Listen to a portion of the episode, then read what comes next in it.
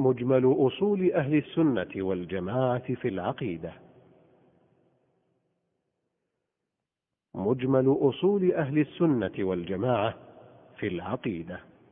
لفضيلة الشيخ الدكتور ناصر بن عبد الكريم العقل. العقيدة لغة من العقد والتوثيق والإحكام والربط بقوة واصطلاحا الإيمان الجازم الذي لا يتطرق إليه شك لدى معتقده. فالعقيدة الإسلامية تعني الإيمان الجازم بالله تعالى وما يجب له من التوحيد والطاعة وبملائكته وكتبه ورسله واليوم الآخر والقدر وسائر ما ثبت من أمور الغيب والأخبار والأصول علمية كانت أو عملية. السلف هم صدر هذه الأمة من الصحابة والتابعين وأئمة الهدى في القرون الثلاثة المفضلة. ويطلق على من اقتدى بهؤلاء وسار على نهجهم في سائر العصور سلفي نسبة إليهم. أهل السنة والجماعة هم من كان على مثل ما كان عليه النبي صلى الله عليه وسلم وأصحابه. وسموا أهل السنة لاستمساكهم واتباعهم لسنة النبي صلى الله عليه وسلم. وسموا الجماعة لأنهم الذين اجتمعوا على الحق ولم يتفرقوا في الدين واجتمعوا على أئمة الحق ولم يخرجوا عليهم واتبعوا ما أجمع عليه سلف الأمة. ولما كانوا هم المتبعين لسنة رسول الله صلى الله عليه وسلم المقتفين للأثر سموا أهل الحديث وأهل الأثر وأهل الاتباع ويسمون الطائفة المنصورة والفرقة الناجية. أولا قواعد وأصول في منهج التلقي والاستدلال. أولا مصدر العقيدة هو كتاب الله وسنة رسوله صلى الله عليه وسلم الصحيحة. وإجماع السلف الصالح. ثانيا كل ما صح من سنة رسول الله صلى الله عليه وسلم وجب قبوله والعمل به وإن كان آحادا في العقائد وغيرها. ثالثا المرجع في فهم الكتاب والسنة هو النصوص المبينة لها وفهم السلف الصالح ومن سار على منهجهم من الأئمة ولا يعارض ما ثبت من ذلك بمجرد احتمالات لغوية.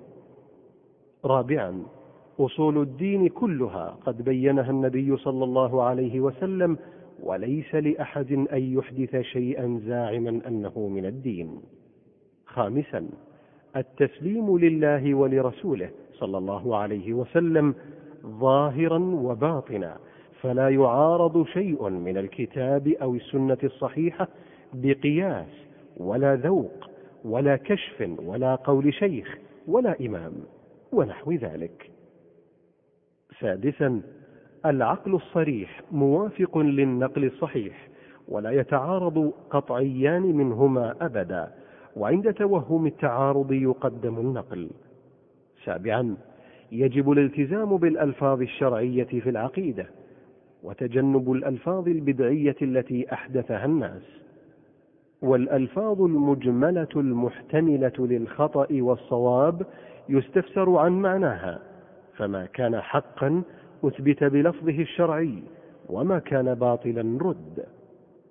ثامنا العصمة ثابتة للرسول صلى الله عليه وسلم والأمة في مجموعها معصومة من الاجتماع على ضلالة وأما أحادها فلا عصمة لأحد منهم. وما اختلف فيه الأئمة وغيرهم فمرجعه إلى الكتاب والسنة. فما قام عليه الدليل قبل مع الاعتذار للمخطئ من مجتهدي الأمة. تاسعا في الأمة محدثون ملهمون كعمر بن الخطاب رضي الله عنه والرؤيا الصالحة حق وهي جزء من النبوة والفراسة الصادقة حق وفيها كرامات ومبشرات. بشرط موافقتها للشرع وليست مصدرا للعقيدة ولا للتشريع. عاشرا المراء في الدين مذموم والمجادلة بالحسنى مشروعة وما صح النهي عن الخوض فيه وجب امتثال ذلك. ويجب الإمساك عن الخوض فيما لا علم للمسلم به وتفويض علم ذلك إلى عالمه سبحانه. حادي عشر. يجب الالتزام بمنهج الوحي في الرد كما يجب في الاعتقاد والتقرير فلا ترد البدعة ببدعة ولا يقابل التفريط بالغلو ولا العكس. ثاني عشر. كل محدثة في الدين بدعة وكل بدعة ضلالة وكل ضلالة في النار. ثانيا التوحيد العلمي الاعتقادي. اولا الأصل في أسماء الله وصفاته إثبات ما أثبته الله لنفسه أو أثبته له رسوله صلى الله عليه وسلم من غير تمثيل ولا تكييف ونفي ما نفاه الله عن نفسه أو نفاه عنه رسوله صلى الله عليه وسلم من غير تحريف ولا تعطيل كما قال تعالى ليس كمثله شيء وهو السميع البصير مع الإيمان بمعاني ألفاظ النصوص وما دلت عليه. ثانيا التمثيل والتعطيل في أسماء الله وصفاته كفر. أما التحريف الذي يسميه أهل البدع تاويلا فمنه ما هو كفر كتأويلات الباطنية ومنه ما هو بدعة ضلالة كتأويلات نفاة الصفات ومنه ما يقع خطأ. ثالثا وحدة الوجود أو اعتقاد حلول الله تعالى في شيء من مخلوقاته أو اتحاده به كل ذلك كفر مخرج من الملة. رابعا الإيمان بالملائكة الكرام إجمالا. وأما تفصيلا فبما صح به الدليل من أسمائهم وصفاتهم وأعمالهم بحسب علم المكلف. خامسا الإيمان بالكتب المنزلة جميعها وأن القرآن الكريم أفضلها وناسخها وأن ما قبله طرأ عليه التحريف وأنه لذلك يجب اتباعه دون ما سبقه. سادسا الإيمان بأنبياء الله ورسله صلوات الله وسلامه عليهم وأنهم أفضل ممن سواهم من البشر ومن زعم غير ذلك فقد كفر. وما صح فيه الدليل بعينه منهم. وجب الإيمان به معينا ويجب الإيمان بسائرهم إجمالا. وأن محمدا صلى الله عليه وسلم أفضلهم وآخرهم وأن الله أرسله للناس جميعا. سابعا الإيمان بانقطاع الوحي بعد محمد صلى الله عليه وسلم وأنه خاتم الأنبياء والمرسلين. ومن اعتقد خلاف ذلك كفر. ثامنا الإيمان باليوم الآخر وكل ما صح فيه من الأخبار وبما يتقدمه من العلامات والأشراط. تاسعا الإيمان بالقدر خيره وشره من الله تعالى وذلك بالإيمان بأن الله تعالى علم ما يكون قبل أن يكون وكتب ذلك في اللوح المحفوظ وأن ما شاء الله كان وما لم يشأ لم يكن فلا يكون إلا ما يشاء والله تعالى على كل شيء قدير وهو خالق كل شيء فعال لما يريد. عاشرا الإيمان بما صح الدليل عليه من الغيبيات كالعرش والكرسي والجنة والنار ونعيم القبر وعذابه والصراط والميزان وغيرها دون تأويل شيء من ذلك. حادي عشر. الإيمان بشفاعة النبي صلى الله عليه وسلم وشفاعة الأنبياء والملائكة والصالحين وغيرهم يوم القيامة كما جاء تفصيله في الأدلة الصحيحة. ثاني عشر. رؤية المؤمنين لربهم يوم القيامة في الجنة وفي المحشر حق. ومن أنكرها أو أولها فهو زائغ ضال وهي لن تقع لأحد في الدنيا. ثالث عشر. كرامات الأولياء والصالحين حقا وليس كل أمر خارق للعادة كرامة بل قد يكون استدراجا وقد يكون من تأثير الشياطين والمبطلين والمعيار في ذلك موافقة الكتاب والسنة أو عدمها.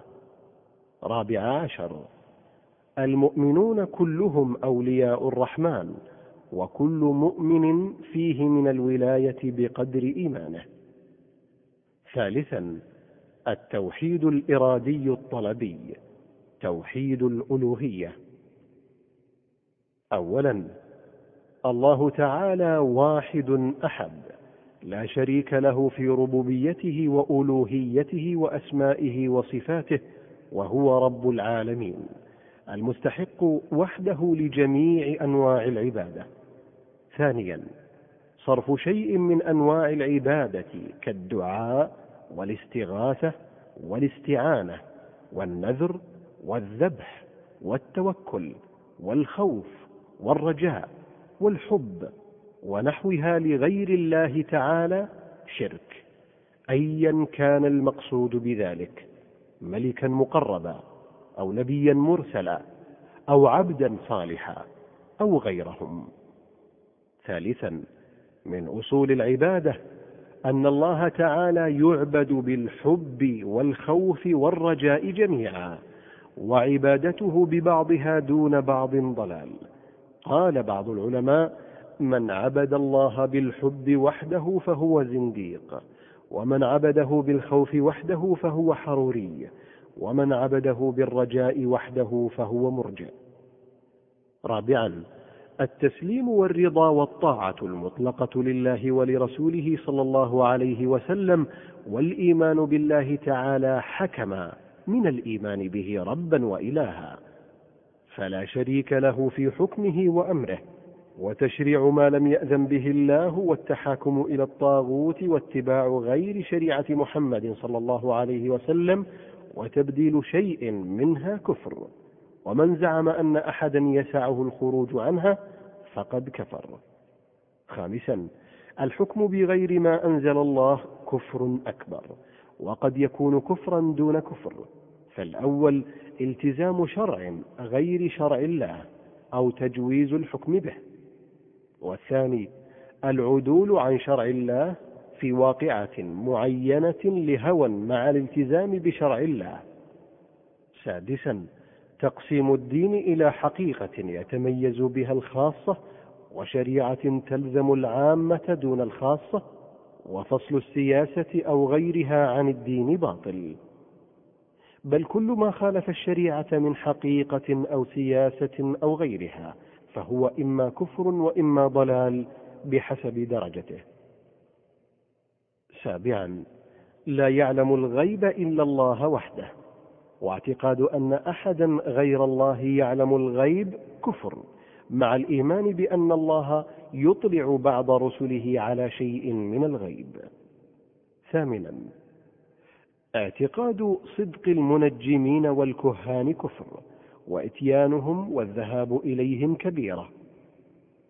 تاسعا الوسيلة المأمور بها في القرآن هي ما يقرب إلى الله تعالى من الطاعات المشروعة والتوسل ثلاثة أنواع. ألف مشروع وهو التوسل إلى الله تعالى بأسمائه وصفاته أو بعمل صالح من المتوسل. أو بدعاء الحي الصالح. ب بدعي وهو التوسل إلى الله تعالى بما لم يرد في الشرع كالتوسل بذوات الأنبياء والصالحين أو جاههم أو حقهم أو حرمتهم ونحو ذلك.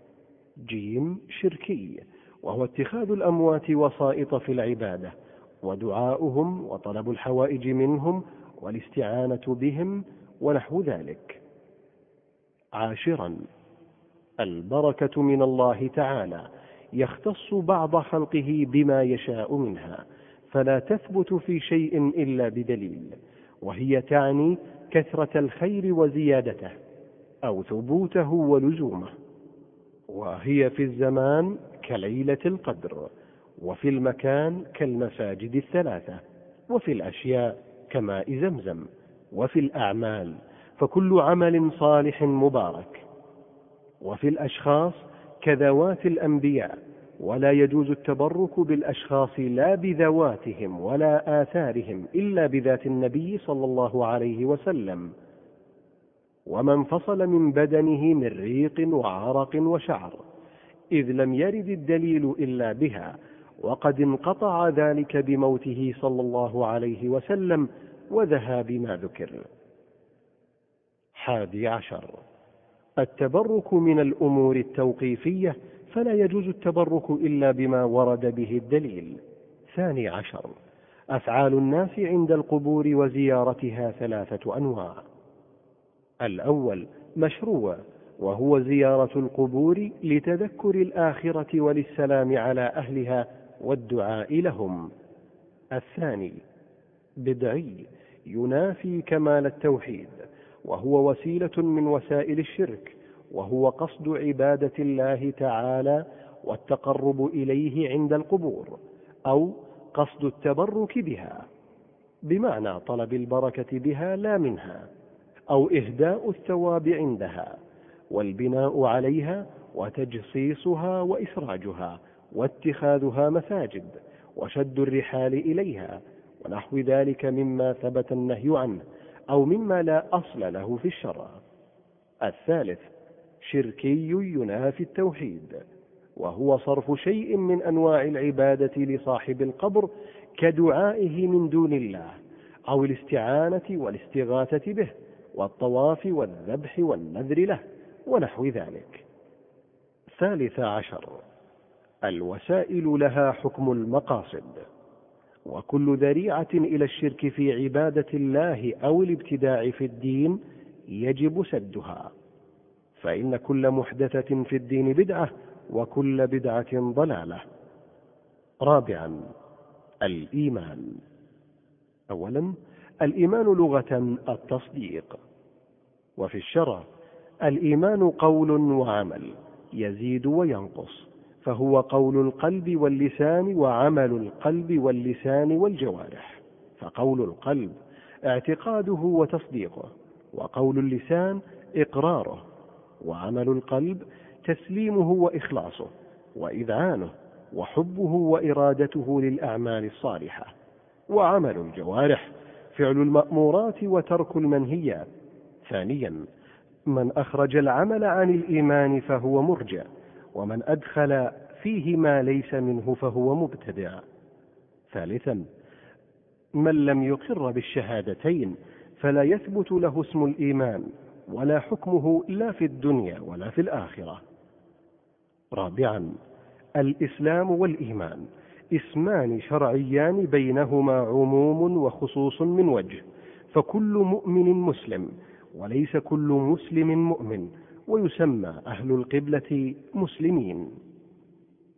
خامسا مرتكب الكبيرة التي دون الكفر والشرك لا يخرج من الإيمان. فهو في الدنيا مؤمن ناقص الإيمان وفي الآخرة تحت مشيئة الله إن شاء غفر له وإن شاء عذبه. والموحدون كلهم مصيرهم إلى الجنة وإن عذب منهم بالنار من عذب. ولا يخلد أحد منهم فيها قط. سادسا لا يجوز القطع لمعين من أهل القبلة بالجنة أو النار إلا من ثبت النص في حقه. سابعا الكفر الوارد ذكره في الألفاظ الشرعية قسمان. أكبر مخرج من الملة وأصغر غير مخرج من الملة ويسمى أحيانا بالكفر العملي. ثامنا التكفير من الأحكام الشرعية التي مردها إلى الكتاب والسنة فلا يجوز تكفير مسلم بقول أو فعل ما لم يدل دليل شرعي على ذلك ولا يلزم من إطلاق حكم الكفر على قول أو فعل ثبوت موجبه في حق المعين إلا إذا تحققت الشروط وانتفت الموانع والتكفير من أخطر الأحكام فيجب التثبت والحذر من تكفير المسلم. القرآن والكلام. أولا القرآن كلام الله حروفه ومعانيه منزل غير مخلوق منه بدأ وإليه يعود وهو معجز دال على صدق من جاء به صلى الله عليه وسلم ومحفوظ إلى يوم القيامة. ثانيا الله تعالى يتكلم بما شاء متى شاء كيف شاء وكلامه تعالى حقيقة بحرف وصوت والكيفية لا نعلمها ولا نخوض فيها. ثالثا القول بأن كلام الله معنى نفسي أو أن القرآن حكاية أو عبارة أو مجاز أو فيض وما أشبهها ضلال وزيغ. وقد يكون كفرا والقول بأن القرآن مخلوق كفر. رابعا من أنكر شيئا من القرآن أو ادعى فيه النقص أو الزيادة أو التحريف فهو كافر. خامسا القرآن يجب أن يفسر بما هو معلوم من منهج السلف ولا يجوز تفسيره بالرأي المجرد فإنه من القول على الله بغير علم. وتأويله بتأويلات الباطنية وأمثالها كفر. سادسا القدر. أولا من أركان الإيمان الإيمان بالقدر خيره وشره من الله تعالى ويشمل الإيمان بكل نصوص القدر ومراتبه العلم الكتابة المشيئة الخلق وأنه تعالى لا راد لقضائه. ولا معقب لحكمه. ثانيا الإرادة والأمر الواردان في الكتاب والسنة نوعان. ألف إرادة كونية قدرية بمعنى المشيئة وأمر كوني قدري. ما إرادة شرعية لازمها المحبة وأمر شرعي. وللمخلوق إرادة ومشيئة ولكنها تابعة لإرادة الخالق ومشيئته. ثالثا هداية العباد وإضلالهم بيد الله فمنهم من هداه الله فضلا ومنهم من حقت عليه الضلالة عدلا. رابعا العباد وأفعالهم من مخلوقات الله تعالى الذي لا خالق سواه فالله خالق لأفعال العباد وهم فاعلون لها على الحقيقة. خامسا إثبات الحكمة في أفعال الله تعالى وإثبات تأثير الأسباب إذا شاء الله ذلك. سادسا الآجال مكتوبة والأرزاق مقسومة والسعادة والشقاوة مكتوبان على الناس قبل خلقهم. سابعا الاحتجاج بالقدر يكون على المصائب والآلام ولا يجوز الاحتجاج به على المعايب والآثام بل تجب التوبة منها ويلام فاعلها. ثامنا الانقطاع إلى الأسباب شرك في التوحيد والإعراض عن الأسباب بالكلية قدح في الشرع ونفي تأثير الأسباب مخالف للشرع والعقل والتوكل لا ينافي الأخذ بالأسباب. سابعا الجماعة والإمامة. أولا الجماعة في هذا الباب هم أصحاب النبي صلى الله عليه وسلم والتابعون لهم بإحسان المتمسكون بآثارهم إلى يوم القيامة وهم الفرقة الناجية. وكل من التزم بمنهجهم فهو من الجماعة وإن أخطأ في بعض الجزئيات. ثانيا لا يجوز التفرق في الدين ولا الفتنة بين المسلمين ويجب رد ما اختلف به المسلمون إلى كتاب الله وسنة رسوله صلى الله عليه وسلم وما كان عليه السلف الصالح. ثالثا من خرج عن الجماعة وجب نصحه ودعوته ومجادلته بالتي هي أحسن وإقامة الحجة عليه فإن تاب وإلا عوقب بما يستحق شرعا. رابعا إنما يجب حمل الناس على الجمل الثابتة بالكتاب والسنة والإجماع ولا يجوز امتحان عامة المسلمين بالأمور الدقيقة والمعاني العميقة. خامسا الأصل في جميع المسلمين سلامة القصد والمعتقد حتى يظهر خلاف ذلك والأصل حمل كلامهم على المحمل الحسن ومن ظهر عناده وسوء قصده فلا يجوز تكلف التأويلات له. سادسا. فرق أهل القبلة الخارجة عن السنة متوعدون بالهلاك والنار وحكمهم حكم عامة أهل الوعيد إلا من كان منهم كافرا في الباطن أو كان خلافه في أصول العقيدة التي أجمع عليها السلف. والفرق الخارجة عن الإسلام كفار في الجملة وحكمهم حكم المرتدين. سابعا. الجمعة والجماعة من أعظم شعائر الإسلام الظاهرة والصلاة خلف مستور الحال من المسلمين صحيحة وتركها بدعوى جهالة حاله بدعة. ثامنا لا تجوز الصلاة خلف من يظهر البدعة أو الفجور من المسلمين مع إمكانها خلف غيره. وإن وقعت صحت ويأثم فاعلها إلا إذا قصد دفع مفسدة أعظم. فإن لم يوجد إلا مثله أو شر منه جازت خلفه ولا يجوز تركها. ومن حكم بكفره فلا تصح الصلاة خلفه.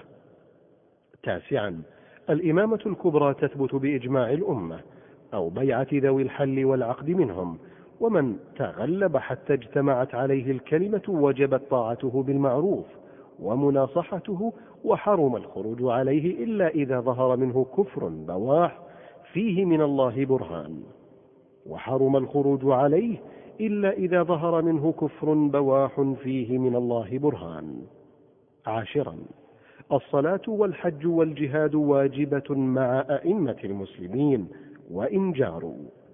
حادي عشر يحرم القتال بين المسلمين على الدنيا أو الحمية الجاهلية وهو من أكبر الكبائر وإنما يجوز قتال أهل البدعة والبغي وأشباههم إذا لم يمكن دفعهم بأقل من ذلك وقد يجب بحسب المصلحة والحال. ثاني عشر. الصحابة الكرام كلهم عدول وهم أفضل هذه الأمة والشهادة لهم بالإيمان والفضل أصل قطعي معلوم من الدين بالضرورة ومحبتهم دين وإيمان وبغضهم كفر ونفاق مع الكف عما شجر بينهم وترك الخوض فيه بما يقدح في قدرهم. وأفضلهم أبو بكر ثم عمر ثم عثمان ثم علي وهم الخلفاء الراشدون. وتثبت خلافة كل منهم حسب ترتيبهم. ثالث عشر ومن الدين محبة آل رسول الله صلى الله عليه وسلم وأهل بيته وتوليهم وتعظيم قدر أزواجه أمهات المؤمنين ومعرفة فضلهن ومحبة أئمة السلف وعلماء السنة والتابعين لهم بإحسان ومجانبة أهل البدع والأهواء. رابع عشر الجهاد في سبيل الله ذروة سنام الإسلام وهو ماض إلى قيام الساعة. خامس عشر الأمر بالمعروف والنهي عن المنكر على ما توجبه الشريعة من أعظم شعائر الإسلام وأسباب حفظ جماعته وهما يجبان بحسب الطاعة والمصلحة معتبرة في ذلك. أهم خصائص أهل السنة والجماعة وسماتهم. أهل السنة والجماعة هم الفرقة الناجية والطائفة المنصورة وهم على تفاوتهم فيما بينهم. لهم خصائص وسمات تميزهم عن غيرهم منها. اولا الاهتمام بكتاب الله حفظا وتلاوة وتفسيرا والاهتمام بالحديث معرفة وفهما وتمييزا لصحيحه من سقيمه لأنهما مصدر التلقي مع إتباع العلم بالعمل. ثانيا الدخول في الدين كله والإيمان بالكتاب كله فيؤمنون بنصوص الوعد ونصوص الوعيد وبنصوص الإثبات للصفات ونصوص التنزيه ويجمعون بين الإيمان بقدر الله وإثبات إرادة العبد ومشيئته وفعله كما يجمعون بين العلم والعبادة وبين القوة والرحمة وبين العمل بالأسباب والزهد. ثالثا الاتباع وترك الابتداع والاجتماع ونبذ الفرقة والاختلاف في الدين. رابعا الاقتداء والاهتداء بأئمة الهدى العدول المقتدى بهم في العلم والعمل والدعوة الصحابة ومن سار على نهجهم ومجانبة من خالف سبيلهم. خامسا التوسط فهم في الاعتقاد وسط بين فرق الغلو وفرق التفريط وهم في الأعمال والسلوك وسط بين المفرطين والمفرطين. سادسا الحرص على جمع كلمة المسلمين على الحق وتوحيد صفوفهم على التوحيد والاتباع وإبعاد كل أسباب النزاع والخلاف بينهم. ومن هنا لا يتميزون على الأمة في أصول الدين باسم سوى السنة والجماعة ولا يوالون ولا يعادون على رابطة سوى الإسلام والسنة. سابعا الدعوة إلى الله والأمر بالمعروف والنهي عن المنكر والجهاد وإحياء السنة والعمل لتجديد الدين بإحياء السنن ونفي البدع والمحدثات وإقامة شرع الله وحكمه في كل صغيرة وكبيرة. ثامنا الإنصاف والعدل فهم يراعون حق الله تعالى لا حق النفس أو الطائفة ولهذا لا يغلون في موال ولا يجورون على معاد ولا يغمطون ذا فضل فضله أيا كان. تاسعا التوافق في الأفهام والتشابه في المواقف رغم تباعد الأقطار والأعصار وهذا من ثمرات وحدة المصدر والتلقي. عاشرا الإحسان والرحمة وحسن الخلق مع الناس كافة. حادي عشر. النصيحة لله ولكتابه ولرسوله ولأئمة المسلمين وعامتهم. ثاني عشر. الاهتمام بأمور المسلمين ونصرتهم وأداء حقوقهم وكف الأذى عنهم. انتهى. بحمد الله.